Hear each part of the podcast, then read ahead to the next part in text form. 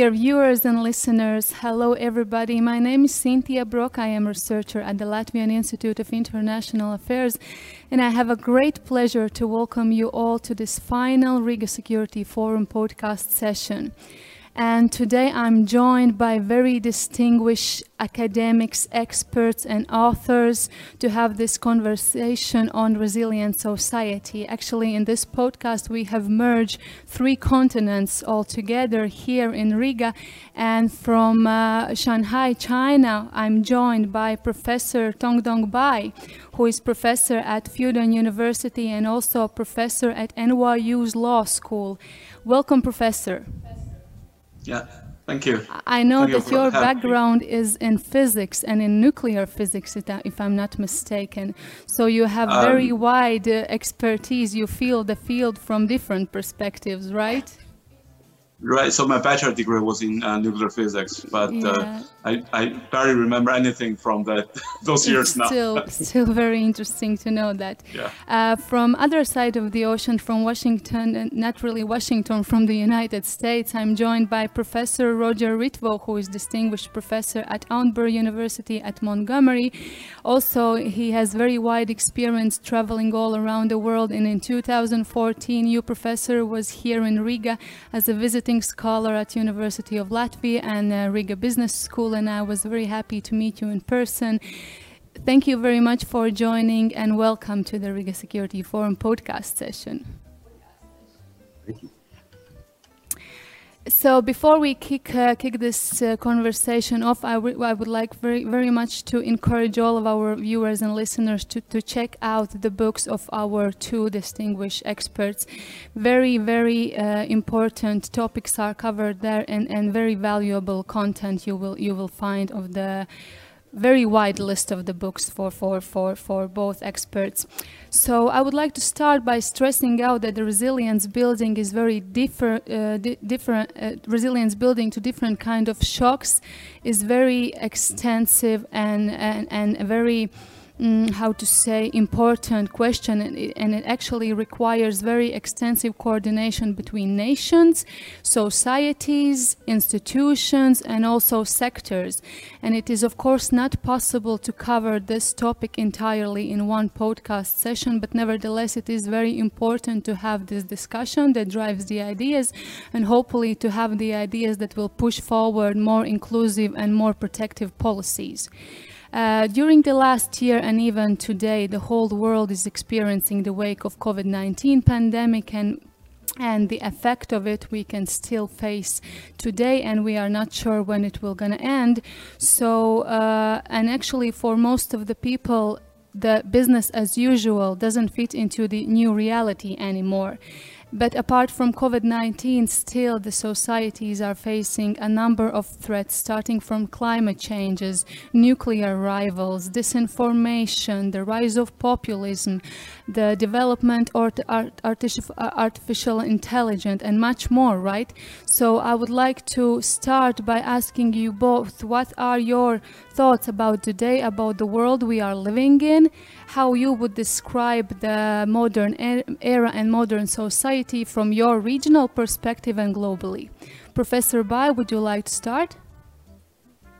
Yeah, uh, thank you. Uh, thank you for uh, uh, having me here. Um, and uh, uh, so I'm from China, and you know China was defeated by the Western powers, you know, 150 years ago. And so for China, the, the the lesson for most of the Chinese is that the reason we're defeated was that we were pre-modern. We're not not modern. So in order to uh, uh, be able to de- defend ourselves, China needs to, to become a modern state. Uh, but what's the meaning of a modern state or modernity in general? Um, for a lot of Chinese thinkers, uh, you know, in terms of governance, in terms of domestic politics, uh, to be modern means to become uh, democratic uh, and uh, also to catch up with, with modern science. So in the famous May 4th mo- movement in 1919, uh, uh, students actually from my alma mater, Peking University, had a slogan, we have to learn from two masters, Master De and Master Sai, which means master democracy and master science. Uh, and uh, another thing uh, uh we uh, many of us understand as modernity is uh, nation state. You know, so why China was defeated because Chinese were not patriotic. So how do you make people patriotic by turning the state into a nation state? One nation, one state.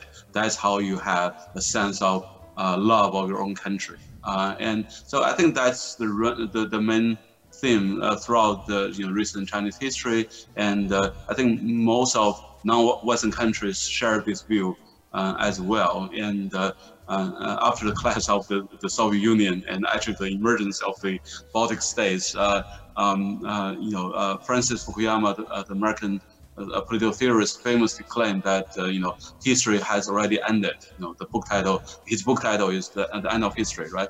Uh, and, and, which means that the search for the best regime, you know, is ended. We don't need uh, uh to search anymore liberal democracy uh, and, and, a nation state, and then the, the League of Nations. Um, but I think now, uh, as you already mentioned, we have seen more and more problems of both liberal democracy as a model of domestic governance and uh, nation state. And uh, you know the, the uh, order that is built on nation state you know globally um, you know domestically we have you know populism the election of Trump you know uh, of course you know he was not uh, re-elected but still you know uh, the fact that he almost got re-elected you know uh, that's that's pretty scary.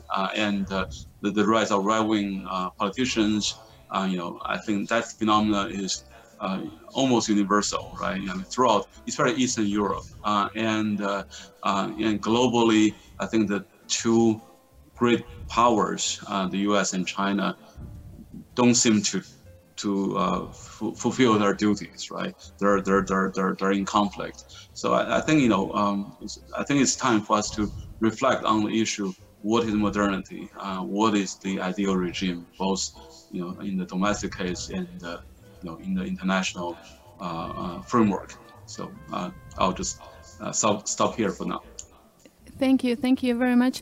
Uh, I would like to still go back a, a, little bit to liberal democracy. I know that you have thought about uh, that a lot, and you have spoken. And I saw one of your, your, your, your also uh, presentation recently.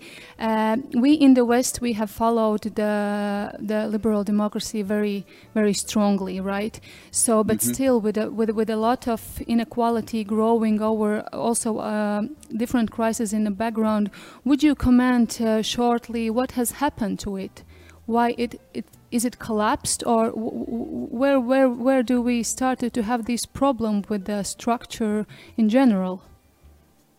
Okay, uh, so just uh, to uh, to promote my, myself a little bit, you know, so in my recent book against political equality, the Confucian case, uh, uh, I think you know I argue that in a way I think my starting point is that you know uh, we often talk, talk about liberal democracy as if it is one package, but we need to understand the liberal part and the democratic part are conceptually different, and in reality they are often in conflict, and I think the liberal part is probably the truly universal part. I mean, something universally desirable. I mean, throughout the pandem- uh, pandemic, we see that uh, you know uh, uh, uh, cases can be reported in newspaper. You know, uh, when people have grievances, they can express themselves on the internet freely. I think that's very important. I think mm-hmm. that's part of the reason. You know, the initial response was poor from uh, you know, certain country. I, am not going to name that country. And uh, uh, so I think the, the liberal part is, is, good. You know, uh, freedom of speech, you know, uh, uh, rule of law. And I think the problem comes from the democratic part.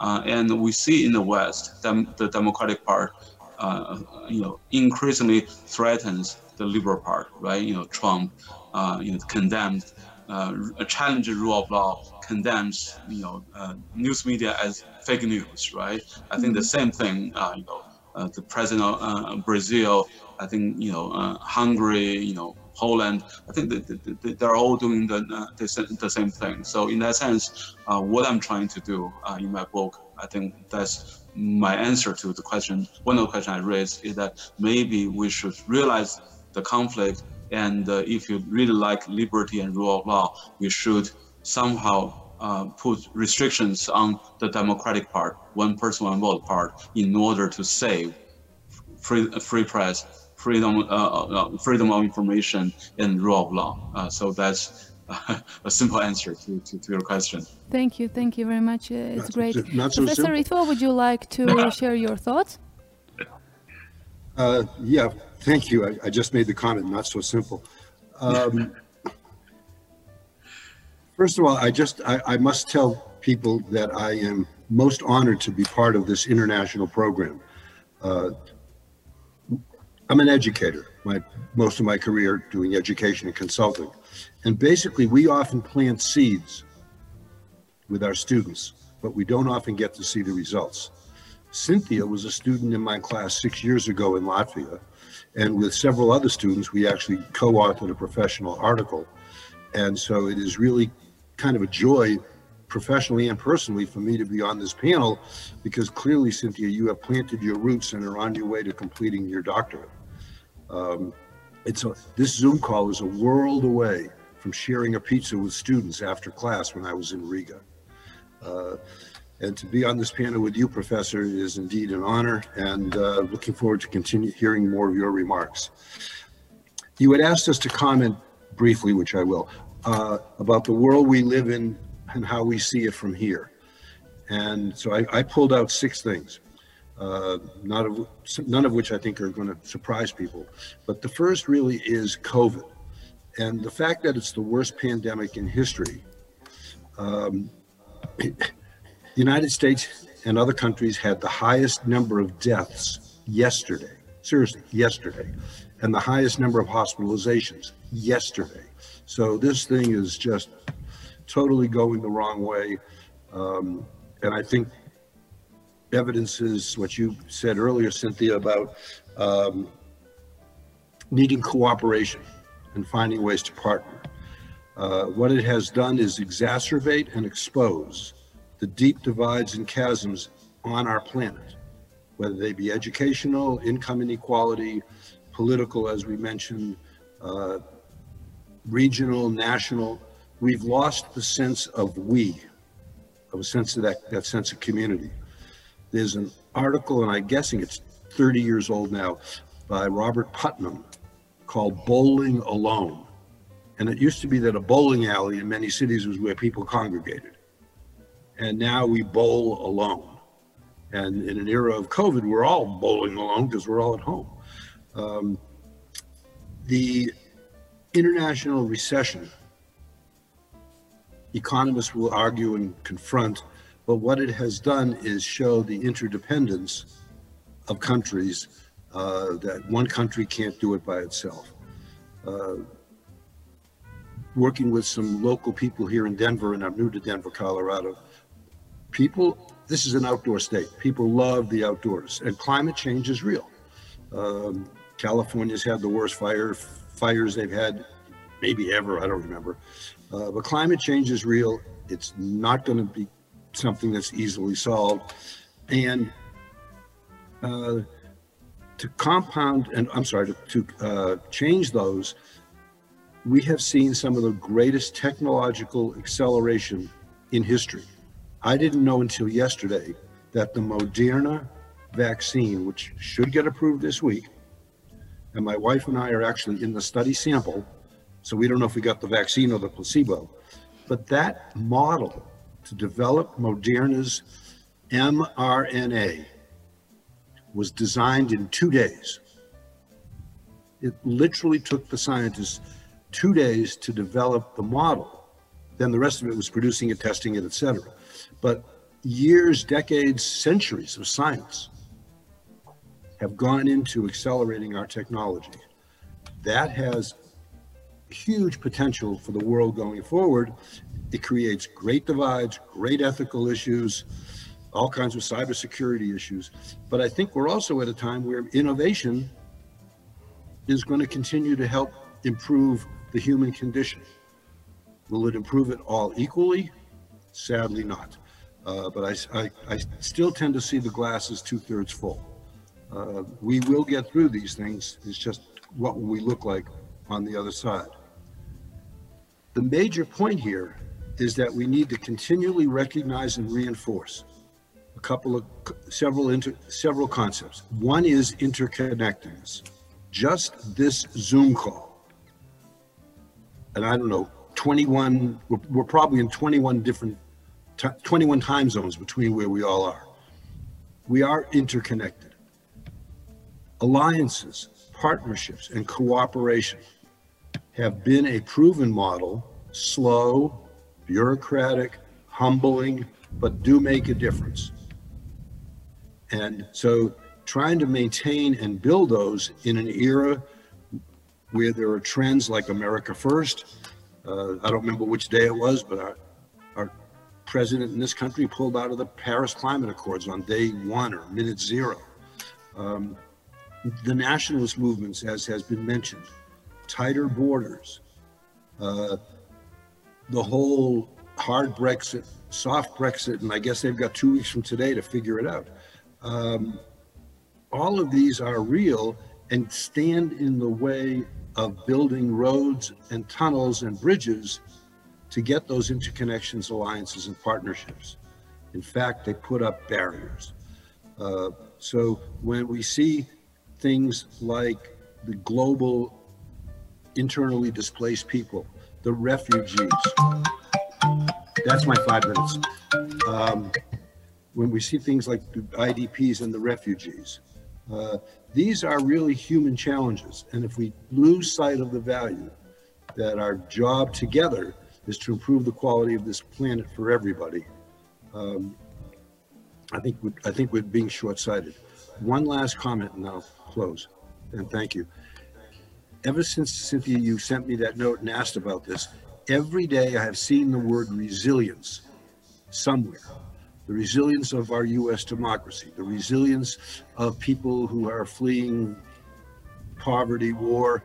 Uh, it's like, it's almost like learning a new word. You just keep hearing it.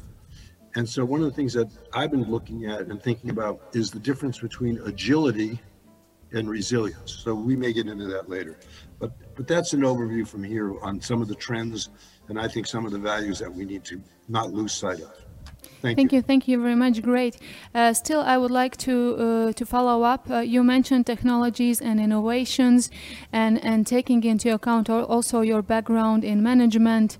Uh, uh, would you like to comment the role of multinational institutions in our daily lives? As we know that this there is very thin thin line between individual security and nation security and still uh, these huge organizations are in one way or another still managing our lives.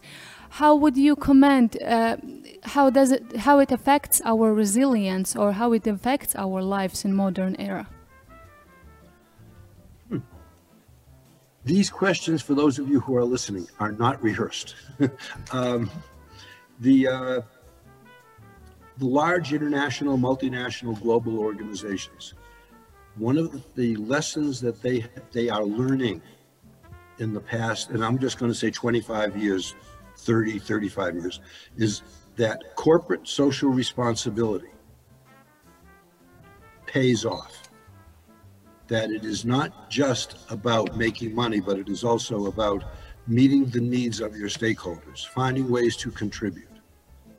Uh, so the they have huge impact, uh, and the courts will be full of Facebook and Google and Amazon for for our lifetimes uh, with with lawsuits. But many of these corporations are learning, have learned slowly.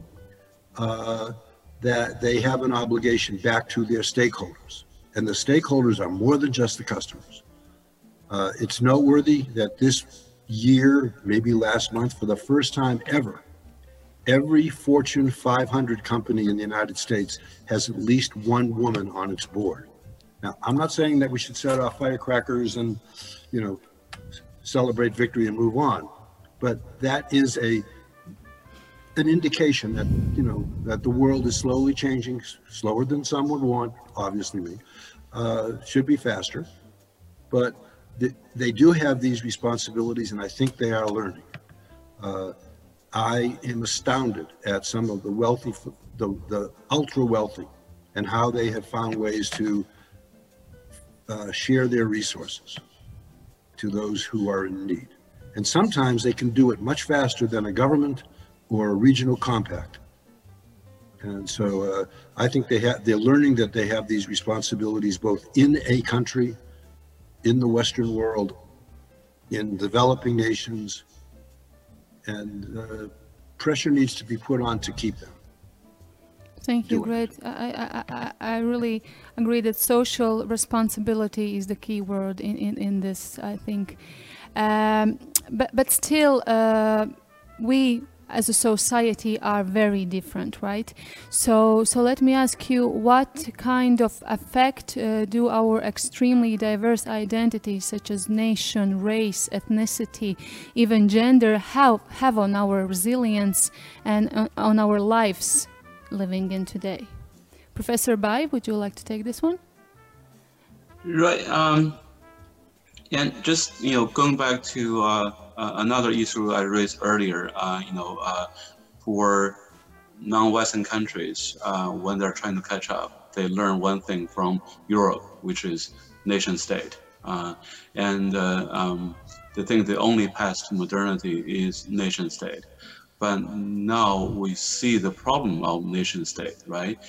nation state, of course, there are different understanding of nation, but one uh, dominant understanding for non-Westerner, uh, non-Westerners is nation means race. Uh, so, uh, you know, the, the Chinese nation, the, uh, the Japanese, you know, so uh, through, you know, because we belong to one race, one bloodline, one big family, we are one nation. So I think one key issue in politics is how you bond citizens together to form a cohesive uh, political entity. Uh, I think nation state, in my understanding, is just one answer, but actually one very problematic answer. I mean, the good side of uh, this answer is that it's very, uh, the, the bonding is, the glue is very intuitive. We belong, we look like each other, you know, we, we have the same legendary, uh, you know, forefathers. That's why, you know, we are, we belong to one nation. So nation state, you know, can be very kind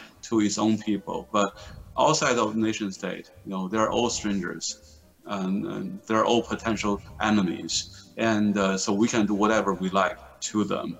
And now we see the, the result of you know nation states running the world, right? In that sense, I think globalization is a, a paradox because um, globalization is led by nation states, but nation states, by definition, are not going to care about you know what other uh, states uh, have gone through. Uh, and so in that sense, we need to, to rethink uh, that kind of state identity, whether nation state is the proper form of you know, of state identity.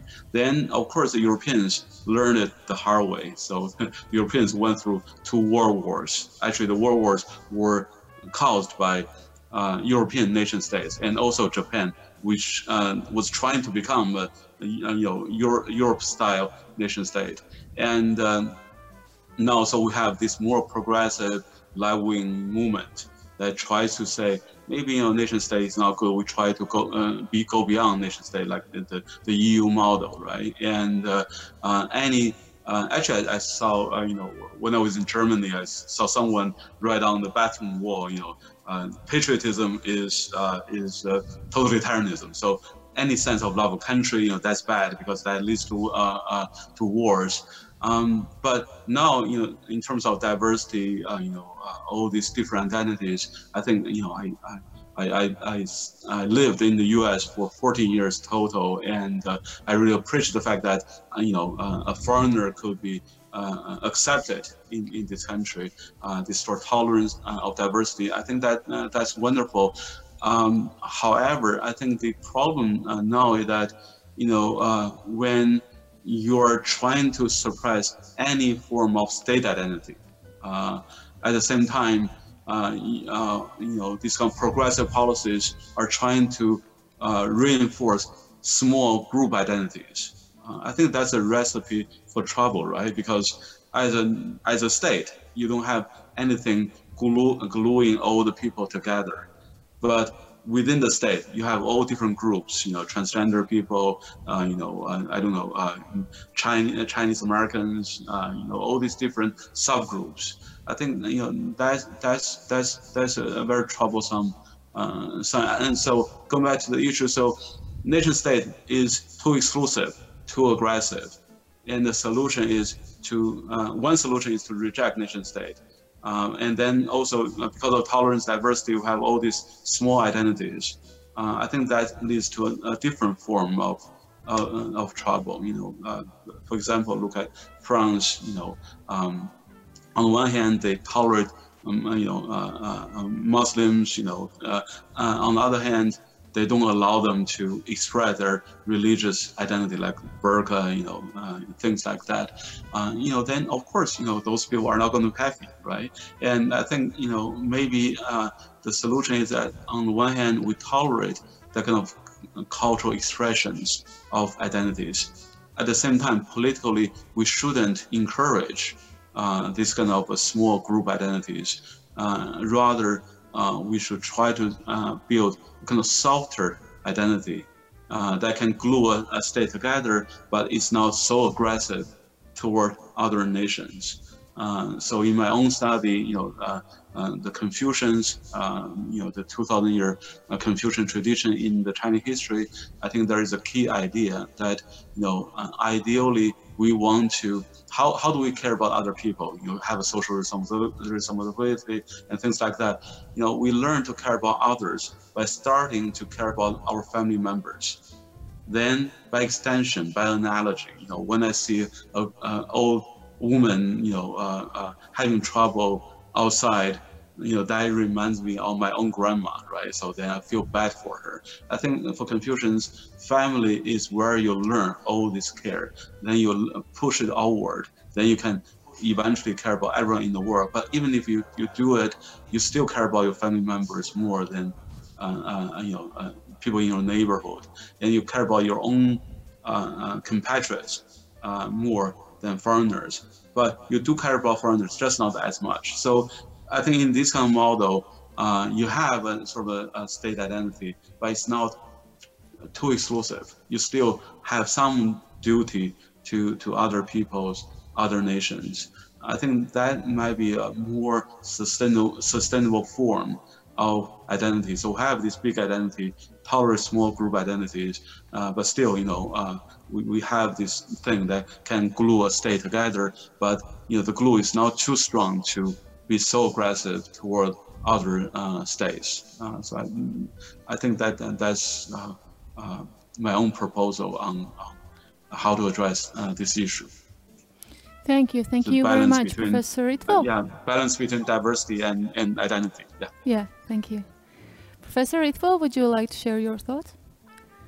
I think I have a slightly different lens. Mm -hmm. um, Dante Disparte, and I may be pronouncing the name wrong, D I S P A R T E, and Les Williams talk about resiliency, where Professor Bong just ended up, about prepared people in prepared households. That it starts at the individual micro level. When you start taking it from that level and go out of the household, if I can push the analogy, into the street, and then into the community, and then into the city, and then into the state, and then into the region. Um, these differences that you mentioned about religion, race, ethnicity, gender, uh, national boundaries, national origins, uh, they have a huge impact on our resilience and our ability to be resilient and even to think in that concept. More people have died in the name of religion than probably any other single factor in the course of history. Uh, the world is divided by religions. There are times that I get more hopeful, there are times I get less hopeful. Uh, ethnicity is a tougher one because that's culturally determined. That changes over time. Uh, it's not quite as uh, as biological, I think, as people would like it to be um, diverse identities. one of the things that countries struggle with is, um, and I hate the naivete of it, but they'll they'll talk about people, uh, refugees from Afghanistan, from Syria, and Africa, as if Africa is a country.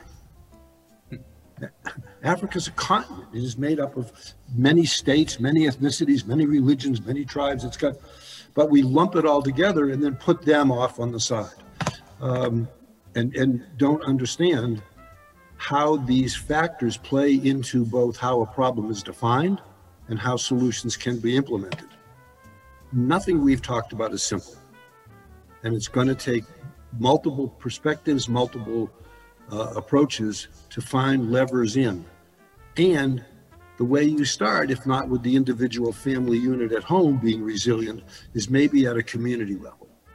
Uh, history is full of stories of people with good intentions coming in and not understanding the people that they are trying to uh, help and give assistance to uh, or give technical training to. So the more that leaders look at the world as a win-lose paradigm, the less wiggle room there is going to be for resistance. I'm not thrilled, but I think it's totally predictable that right now in this world, the United States and America is struggling to get COVID vaccine because we didn't anticipate that other countries might want it too.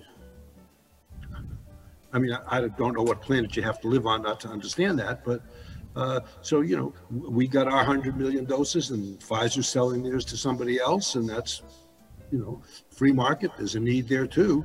Uh, so the solutions are going to take more than just the science. The big issue in this country, and I have not tracked this in other countries, is uh, a friend of mine did a paper called "The Last 50 Feet." and it's how do you get the vaccine that last 50 feet into someone's into someone's arm and you know like a third to 40 percent of the people in this country say they're not going to trust the vaccine there are people who think bill gates is, or somebody is putting radio chips in the vaccine so the government can track us well you're not going to solve this international pandemic that's killing people as we talk uh, if people are fearful and believe all that non-scientific data. So you have to work with the different communities. The Native American community is different. There are religious groups that don't want to have it, uh, that believe that they shouldn't have to take, be forced to take the vaccine. Um, it's a divide based on a variety of perspectives. Until we find some common approach, some common ground, it leaves us all at risk. And I'm not being overly dramatic about life and death because it is a it is a life and death issue. Uh, something just to mention a little separately. One issue that doesn't get a lot of attention is water pollution. But the whole concept of survival is based on water. And what, what's happening on our planet is not anything that one country can solve. So I just cite that COVID's the dramatic one that's you know going to be around for another couple of years. But we still have huge issues related to both climate change and water pollution and safe drinking water and uh, some of the, the medical advances in Africa that have stopped childhood diseases that are waterborne, tra- uh, transmitted through water, um, and improper sanitation can be solved, but it requires people pulling together money, resources, and planning at the local level with the, with the guidership from their leadership. So uh, I see that these ethnicities and the divisions you talk about are real and they need to be brought to the table. Thank you. Thank when you I very much. Started, when, uh, I, just, when I was starting so, my career, when I was yeah. starting my career, there was a very famous social scientist now passed away named Ron Lippitt. And he, his comment was always, who else needs to be at the table?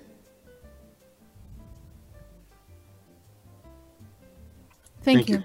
Thank you, thank you very much. So it's clear that we need to have evidence-based and more accountable policies, right? So, Professor Ritvo, uh, would you like to continue with this? How we push forward more inclusive policies, nationally, regionally, and globally? Where do we start? Is there some role for communities or NGOs? Where to start to have this development moving forward? uh, as, as Cynthia well knows, my writing and background and interest for the last decades Yeah. has been on NGOs. Yeah. And uh, in some ways, NGOs are in the toughest position because they're the least resourced, but they might be the, the, the better mediating structure between a nation state and an individual and a community. Uh, they have, many of them have very narrow, not narrow, uh, focused agendas, focused missions, focused strategies.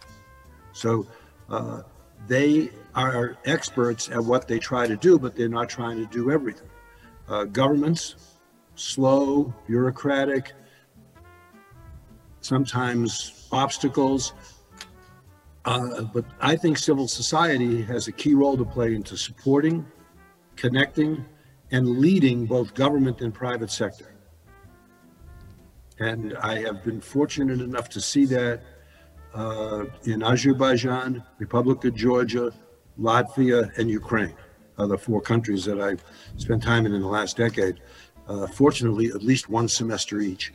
Um, so there are examples in every country that show the role of NGOs. NGOs sometimes are on the wrong side of the government and get pretty strong pushback and in, some kind of trouble. Uh, but their goal and their mission is to try to make changes that they believe are important by bringing people together. Because by definition, an NGO doesn't have the power of a multinational corporation or of a leading uh, food chain in a country. Uh, so if they can create these partnerships, which is where we started off at the top of this podcast, uh, top of this recording, I think they have a really important role to play.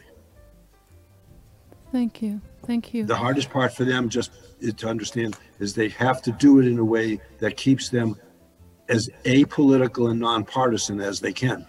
And sometimes that's hard when you're fighting against a government uh, that wants to oppress the free press, wants to stifle free speech, uh, and kind of undertack attack some of the ideals of the liberal democracy and that growth. yeah. And so, thank you. Thank you, thank you, excellent. Professor Bai, what are your thoughts on this? How to push forward more inclusive policies? Right. So um, I think you know uh, uh, what uh, Professor uh, uh, uh, uh, said. I, I totally agree. I think community building, NGOs, they are very important. But still, you know, we, you know, I'm a political philosopher. I'm thinking about slightly bigger issue. You know, how to run a government and things like that. Um, and I think you know, for example, the issue of climate change. I think is a, almost a perfect storm for uh, the kind of democratic model because I think uh, the underlying assumption of democracy is that if every voter votes on his or her self-interest uh, rationally, putting together we have the common good, right? And uh, so I think the assumption that every voter has to be rational with regard to his or her short-term interest.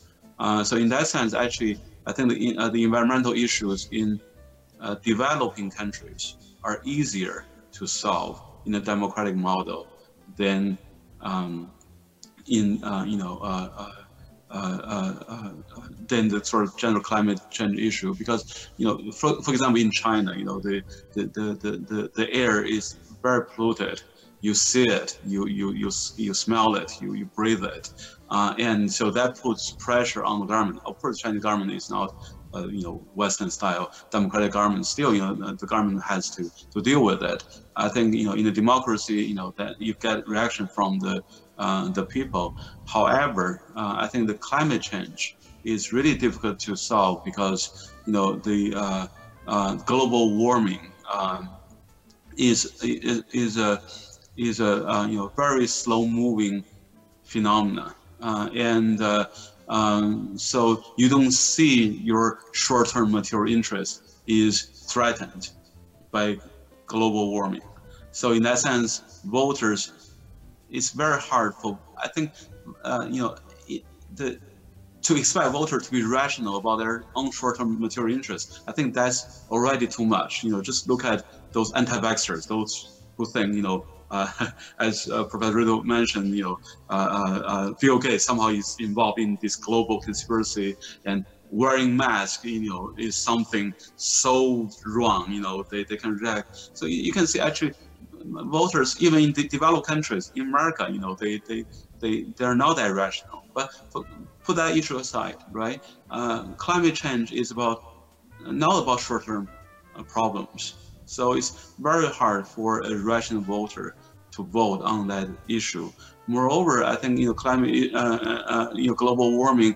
Oftentimes, you know the polluters don't pay the price directly. You know, uh, oh, China, the U.S., all these big countries, we emit a lot of uh, you know CO2 uh, to the air, and then the sea level you know rises. But you know, China and the U.S. are not the ones at first suffering from this. It's people in Bangladesh, uh, Bangladesh right? All these Pacific island nations. And, uh, but they don't uh, have votes in the US, in Germany, in Japan, right? And uh, say they, they couldn't change those policies. But in a democracy, uh, policy, uh, policies are beholden to voters within that country, right? But climate change, global warming, it oftentimes is about the well-being of other peoples, right? And also future generation, future generations who don't have votes yet. And even within a, a, a nation, uh, within a state, you know, um, people in Boston might not suffer from global warming anytime soon, where people in Florida, you know, uh, only small area of Florida, you know, they suffer from it. But they couldn't, you know, that small minority couldn't change the, the state policy. Uh, so I think you know uh, there we see a problem with this um, one person one vote model, and so in that sense, I think maybe the solution is somehow if we can identify those who are uh, compassionate and intellectually competent, uh, we somehow give them more power to make policies. Uh, just uh, to give you one not so perfect example, I think there's a recent New York Times article where it said that a uh, lot of the populist demands are not fulfilled by either President Trump or the people in the Congress. Rather, is you know what Trump uh, you know, really uh, ridiculed the eggheads, right? You know, uh, people like me, you know, you know, the nerds, the bureaucrats, the technocrats in the government, who are not beholden to voters. They are often the ones who actually can carry out policies that are good for the populace. So, I mean, nowadays, uh, you know, I think there's a strong suspicion, especially in the U.S., about the so-called deep state, the bureaucracy. But maybe the deep state is the hope to save us from this kind of uh, environmental uh, uh disaster. So maybe we should give more legitimacy to that part of the government. Maybe actually in the uh, in in the legislature, if there are two uh, uh, parts of the ledger, two houses. Maybe somehow, if I, I, can, we can identify, you know, those competent and morally compassionate people, we we we, we uh, somehow send them to the, the upper house, and then then we have the, the popular house and the, the, the more I, I call it meritocratic house. We can you know balance them and make policies together. Maybe now we can have more uh, data-based, uh, science-based uh, uh, policies that truly serve the people instead of you know people like Trump who you know just to cater for people's instincts. Uh, and but his policies are actually bad for the voters who support him. And also globally we need uh, collaboration right? You know because it's not uh, an issue for one nation one state. I think the pandemic is the same thing you know. Uh, now actually every wealthy nation including you know you know, middle level, you know, China, right? You know, uh, all these big, uh, wealthy or powerful nations and states are buying out all the vaccines, uh, and uh, we need some kind of global uh, collaborations. Uh, and so, in that sense, we need to find a find a better model for that instead of you know this because the UN model we have it, but it doesn't seem to work very well. You know, because the UN doesn't have teeth uh, still in, in today's world, only states have the real power, money, military, all these things that can actually turn ideas into real policies. So in that sense, globally, we also need to give more power to those who are responsible. Okay, thank you, thank you very much. Of course, a lot of uncertainties are there, but uh, uh, from your regional perspective, uh, what are the most important issues that we need to resolve, let's say, in next 10 years, Professor Bai? Because of oh, course we cannot I mean, resolve uh, everything in one day or two years, but uh, but if you would if you would need to make a list, what what what crisis would you put into that list? Right. I think for China, uh, it's you know um, we have uh, you know really made a great progress in terms of you know raising people out of uh, uh, uh poverty uh, and now actually China is you know in terms of GDP number two in the world. I think for China it's really how to move forward. should we continue to do what we have done so far, and should we uh, reform certain things. Uh, and so to me, you know, we I think we need reform. Uh, we need to have more, you know, freedom of speech, rule of law, and uh, uh, you know things like that. And um, and also, I think you know, China needs to. first of all, I think should we should um, get rid of the idea that nation state is the only way to modernity uh, because now China is rising, and Chinese government keeps saying we are going to rise peacefully, but not many countries believe in China. Actually, the uh, the the trust in China, I think uh, now is the lowest point among developed developed countries, and I think part of the reason come from this nation-state language because no nation-state rises peacefully. Your nation-state is going to whatever it takes for its own interest when it rises, clearly it's going to demand more from the rest of the world. If the rest of the world doesn't, the rest of the world is also consist, consisting of the nation state, it's not going to give it to the rising nation state, right? And then it means conflict and, and war. So unless we change our own language, I think no country uh, uh, believes and no, uh, uh and no country should believe that China will rise peacefully. So we need to adopt a different uh, framework. And also, I think, you know, uh, as you know, Spider-Man says, with great power comes great responsibility, right? So now China is, you know, one of the great powers. Uh, it needs to take more uh, responsibilities. You know, for example, like climate change, I think that's one pressing issue.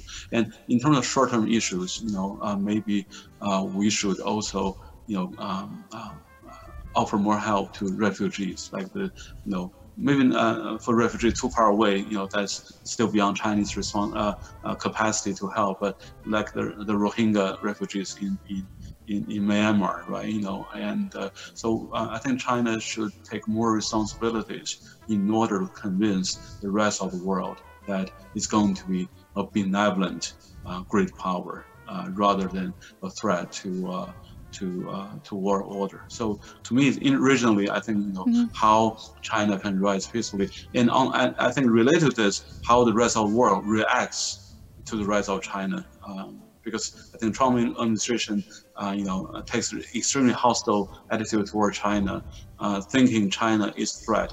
But sometimes you know, be careful, be careful about what you wish for, right? You know, when you try to do this, actually you're, you're turning China into a hostile country. I think uh, you know uh, uh, the rest of the world becomes more sus suspicious of China, and actually Chinese, I think, are become more suspicious of the intention of the West, especially of the U.S. more and more Chinese believe that the U.S.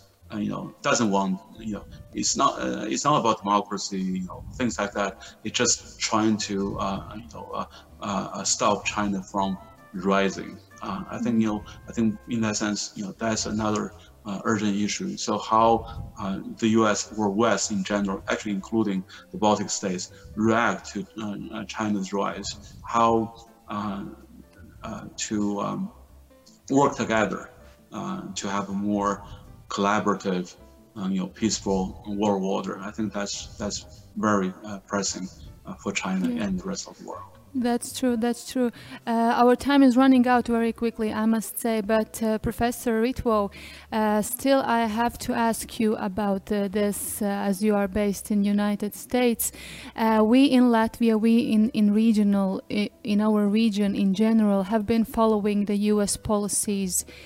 for years, U.S. have been encouraging us to adopt many useful policies in our daily basis. But with the last four years and Trump administration, of course, this this uh, this image of the United States as the world's main police who can help us to resolve all those crises and, and, and, and crises that we have and are crises that are actually hitting our resilience uh, is, is downfalling. How would you say, how would you comment, is it possible to the United States to regain the prestige and, and, and to be able to coordinate all these matters that we need to, that we need to resolve? One word answer, yes. Longer answer, uh, I think when you when we get a little perspective, starting at 12:01 on January 20th, when we have a new president, uh, the attitude of America first, the rest of you go away, um, will change. Biden's philosophy, and he may not have total control of the government, uh, is that we are part of the world. Whether or not we should remain the world's policeman uh, or that phrase you used. I, am about 20% done with President Obama's book.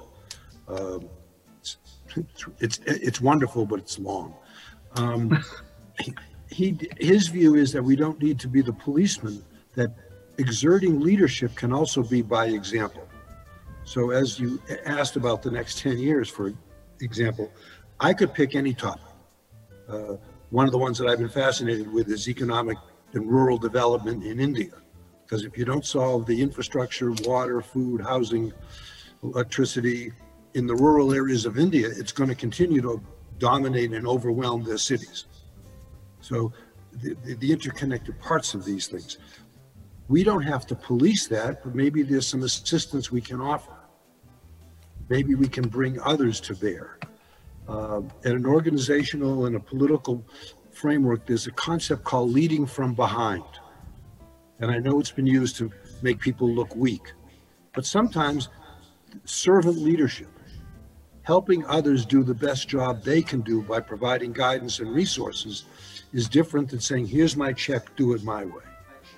Uh, so I think we need to uh, continue to be more open as, as a United States, more transparent about what we want to do, find ways to, instead of tariffing ta- and tariffing trade with China, uh, you know, we're going to build a wall and have Mexico pay for it, I was told.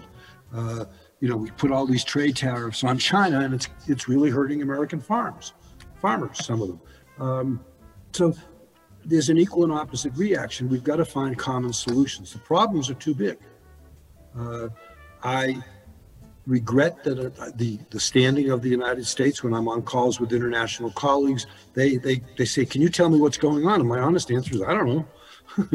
uh, you got people who don't believe in science. It's hard to, you know. So if you don't believe in science, you believe in anecdote, and if it didn't happen in your dining room table, then it's not real. Mm-hmm. And so somewhere in there, we can assume leadership and the leadership that I think the United States has provided for centuries uh, of our 200 plus years has been to be open, democratic. We don't try, we do some stupid things and we try to expose them and correct them. And so uh, part of what the resilience is is to have organizations that are resilient, have governments that are responsive. Uh, they can set the agenda so they're not reactive. Uh, but ask yourself, you know, what kind of world do I want for my kids and my grandkids in 10 years? And I would like the world to look like this, look like that. And we may differ on specifics. But if we have a planning process that's inclusive, if we put resources to uh, agreed upon or compromised or collaborative objectives and try to get some evidence-based results, we can make incremental improvements and each one builds on the ones before. it's crazy that the United States and China can't get to work things out. It's crazy that even with Russia, and I don't know much about what's going on there.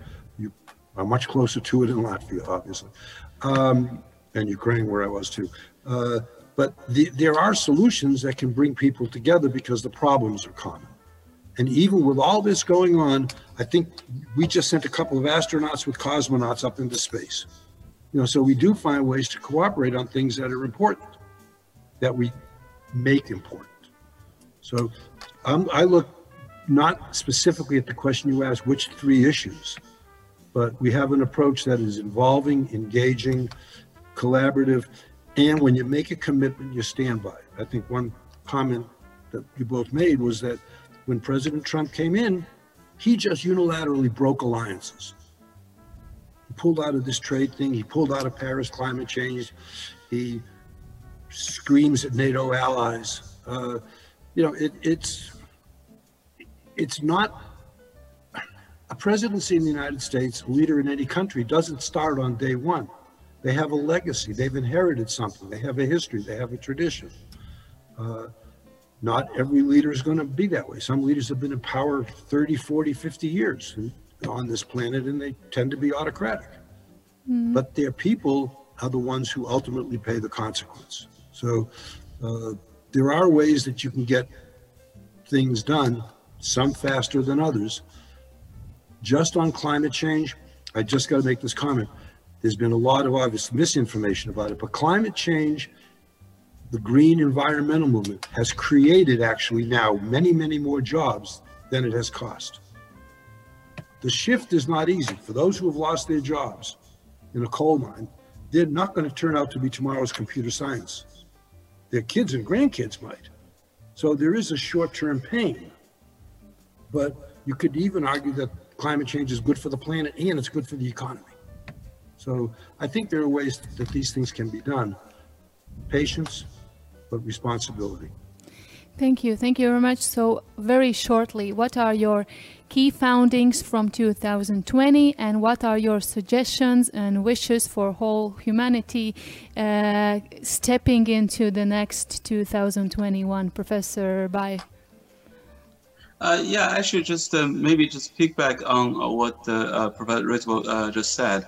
I guess you know, on the one hand, I think uh, we should be more inclusive. We should be able to listen to to others. Actually, I, I, I post, both Professor Ritvo and I have been Fulbright scholars, right? You know. Uh, so I spent a Fulbright year in um, U.S. and I think he spent in uh, um, um, uh, uh, uh, former you know, those, Union, yeah. yeah, former Soviet. Yeah, it's hard to do. Yeah, and I think it's it's a great program. It's a program for us to to to understand each other better. But you know, Trump stopped uh, that uh, uh, that program. So we need to have more programs like that. I think in in, in the EU there is you know program from promoting that you know inter inter state intercultural exchanges and uh, uh, you know, I think China now is still holding on the deal with Obama, where uh, China offers a lot of scholarship to American students to to to come to China. I think that's uh, very important. I'm personally running a program, uh, you know, uh, English-based pro program of Chinese philosophy master program for foreign students. So we, we need more things like that. We need to be more inclusive. We need to, you know, set uh, you know, uh, to to show some moral exemplarship, right? Uh, you know, the U.S. can can withdraw from the Paris Accord, but if other nations keep doing it, then eventually, you know, the Americans can be shamed into rejoining, right? When you have the right president, like President uh, Biden. Uh, so I, am all for it, but at the same time, I think I hope it, uh, my another part of my hope is that uh, uh, I actually I, I I don't I don't totally reject the idea of world peace. We still need benevolent world peace. Uh, so we need you know uh, the, the the world leaders can do all the soft, inclusive, you know, ex- exemplarship part.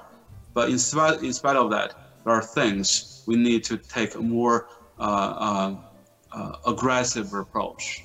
So again, uh, in my understanding of Confucianism, uh, for Confucians, sovereignty is conditioned on how much duty each government performs to its own people and to a lesser extent to foreigners. So if a government fails to perform that duty, then its sovereignty should be uh, limited, right? And uh, so human, uh, so I call it human duty overrides sovereignty. So in that sense, you know, uh, countries like Syria, Libya, where you know people are dying. Uh, so in that sense, you know, I, I don't see why we should still respect respect the sovereignty of those states. Instead, if only uh, benevolent world powers, great powers, world police, can maybe just set up, uh, you know, no-fight zone uh, in Syria and uh, uh, have refugees and build factories, right? And uh, so so that they can survive. They, you know, so instead of you know those refugees crossing uh, some sea to, to Greece and dying on the way. So we can save them right on uh, in Syria, uh, in uh, Libya, you know, just uh, uh, well, you know, violating in a way the, the sovereignties of those states. So in that sense, you know, if only we could have world police like that, who, who is going to do it? I think China is able to do it. The, the U.S. have been doing it for uh, almost 100 years now, and uh, it should continue to do it. I think the EU can also uh, do it. So we, if we have competing world policemen, right, uh, offering the, the, the, public good, uh, you know, mm-hmm. to people in the world, uh, then maybe we, we can have a competition for better instead especially this you know uh, struggle to the uh, uh, to the bottom so i think that's what i'm hoping for, you know, uh, more responsible states emerging uh, and alliances of states emerging uh, in the uh, uh, in the uh, the global arena. Thank you, Professor Ritvo. what is the skill set that is necessary for us in 2021? Let me tell you what I wrote as an answer to your last question as a draft. I said resilience requires a challenge because environments shift, stakeholders change, and concerns differ over time. So, for example, should the international community applaud Germany and Chancellor Merkel for actively accepting state refu stateless refugees, or side with those countries which tried and successfully closed their borders? And for, to her credit, her everlasting credit, she remembered the values of charity, selfless dedication, service, and helping others. And whatever political consequences, economic consequences, internal divisions in Germany, there were a million people, or whatever the numbers are, they're staggering, uh, who had to fight to get there because the human, the value of human life and dignity formed her approach. There's a Broadway play, and I don't get, I don't know the play, but the review says we must stay connected. It's a principle that is so glaringly simple that it is now seen as radical. We must stay connected we will stay connected. Uh, this conversation has been very inspiring, and I thank you both from the bottom of my heart. And I thank all the listeners who have listened us or listened us and watched us. I wish us all to stay safe, to stay educated. Thank you very much for joining, and have a lovely holiday season and happy New Year. Thank you.